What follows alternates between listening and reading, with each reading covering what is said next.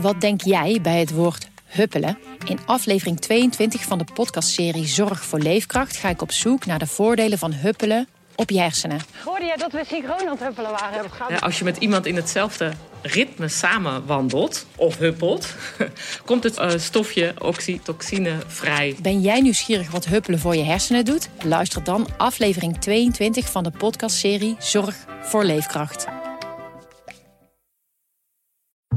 Uh, ik denk niet dat je van soja grotere borsten krijgt, omdat het kan wel gebruikt worden om vlees te vervangen, maar ik geloof niet dat het hetzelfde effect heeft. Uh, en het zit gewoon bij mij fout in mijn hoofd dat als ik denk aan planten, dan denk ik niet aan uh, het lichaam laten groeien. Ik denk niet dat je van soja eten borsten krijgt als man of als vrouw. Uh, of je van soja borsten krijgt, van man en vrouw. Ik weet dat er hormonen in zitten of, of iets dergelijks, maar ik weet niet of het per se bij mannen en vrouwen zorgt voor borsten of grotere borsten. Maar ik, ik denk wel dat het je hormoonbalanshouding uh, in, in de war kan brengen. Dat heb ik ooit gelezen. Word je van spinazie nou echt sterk?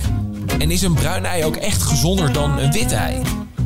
Zijn mythes die je vaak voorbij hoort komen, maar ja, zijn ze ook wel echt waar? Gezondheidsjournalist Tijn Elfrink en huisarts Rutger Verhoef hebben in hun boek Kusje erop gezocht naar de waarheid achter 70 verschillende gezondheidsmythes.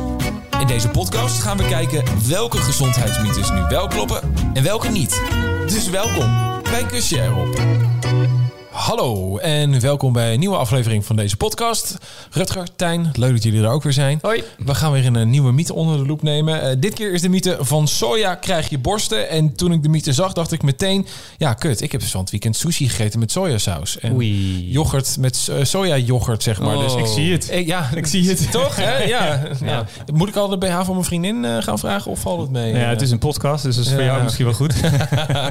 nee, ja, maar het was wel dat ik denk over, weet je, gaat het over echt soja zoals in sojasaus of, of waar gaat het nu precies over? Ja, het is een eh, zeer hardnekkige mythe. En eh, zeker op ja, websites van vrouwenbladen, bijvoorbeeld Viva. Het geheim voor grotere borsten. Ja, ik zag het ook, en, ja. het, het geldt niet alleen voor soja, het geldt ook voor, voor lijnzaad, voor erwten en ook voor hop. Dus ja, hop wordt gebruikt voor bier. En daar wordt dan van gezegd dat je van bier borsten krijgt. Is het echt zo, ja? Ja, dat Dus is wel de- het verhaal. De excessive bierdrinkers onder ons, die zouden dus volgens Ja. deze mythe eh, echt De wel... man boobs. Man- Ja. Nou ja, Ja. ik zit even naar beneden te kijken. Nou, op zich.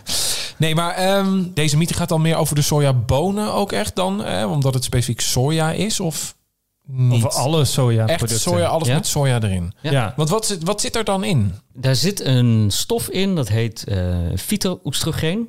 En ja, we kennen allemaal het vrouwelijke hormoon oestrogeen.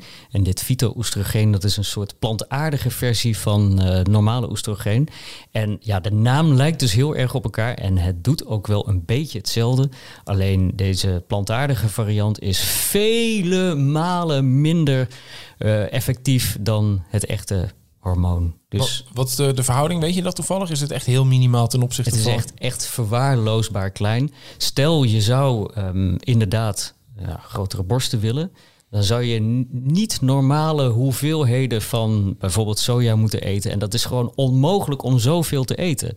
En wie merkt het meeste verschil tussen eh, bij, het- bij het nee, ik noem het even het nemen van soja. Want het gaat dus ook om soja. Ik heb eten opgeschreven, maar het is ook gewoon dan in andere Sojamelk. Ja, ja, precies. Absoluut. Maar wie, wie merkt daar meer van? Is dat een man? Ja, je oestrogeen is denk dan een vrouw meer, toch? Of niet?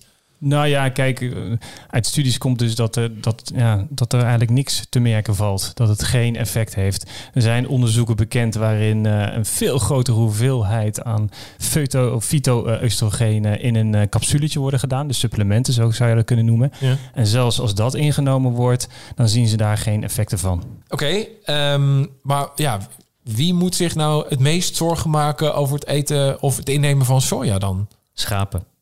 Ja, er is een eh, verhaal bekend. Schapen? Ja. Halverwege de jaren negentig eh, van de vorige eeuw was er een eh, schaapskudde in Australië. En die schapen die zijn allemaal onvruchtbaar geworden. En toen zijn ze dat eens gaan uitzoeken wat er nou precies is gebeurd. En het bleek dat die schapen die liepen rond in een weide met alleen maar klaver. Dus dat eh, plantje. En Rode klaver. Rode klaver. Ja. En dat is ook het enige dat ze aten. En daar zitten hele grote hoeveelheden fytoestrogenen in. Dus die schapen aten echt alleen maar die klavers.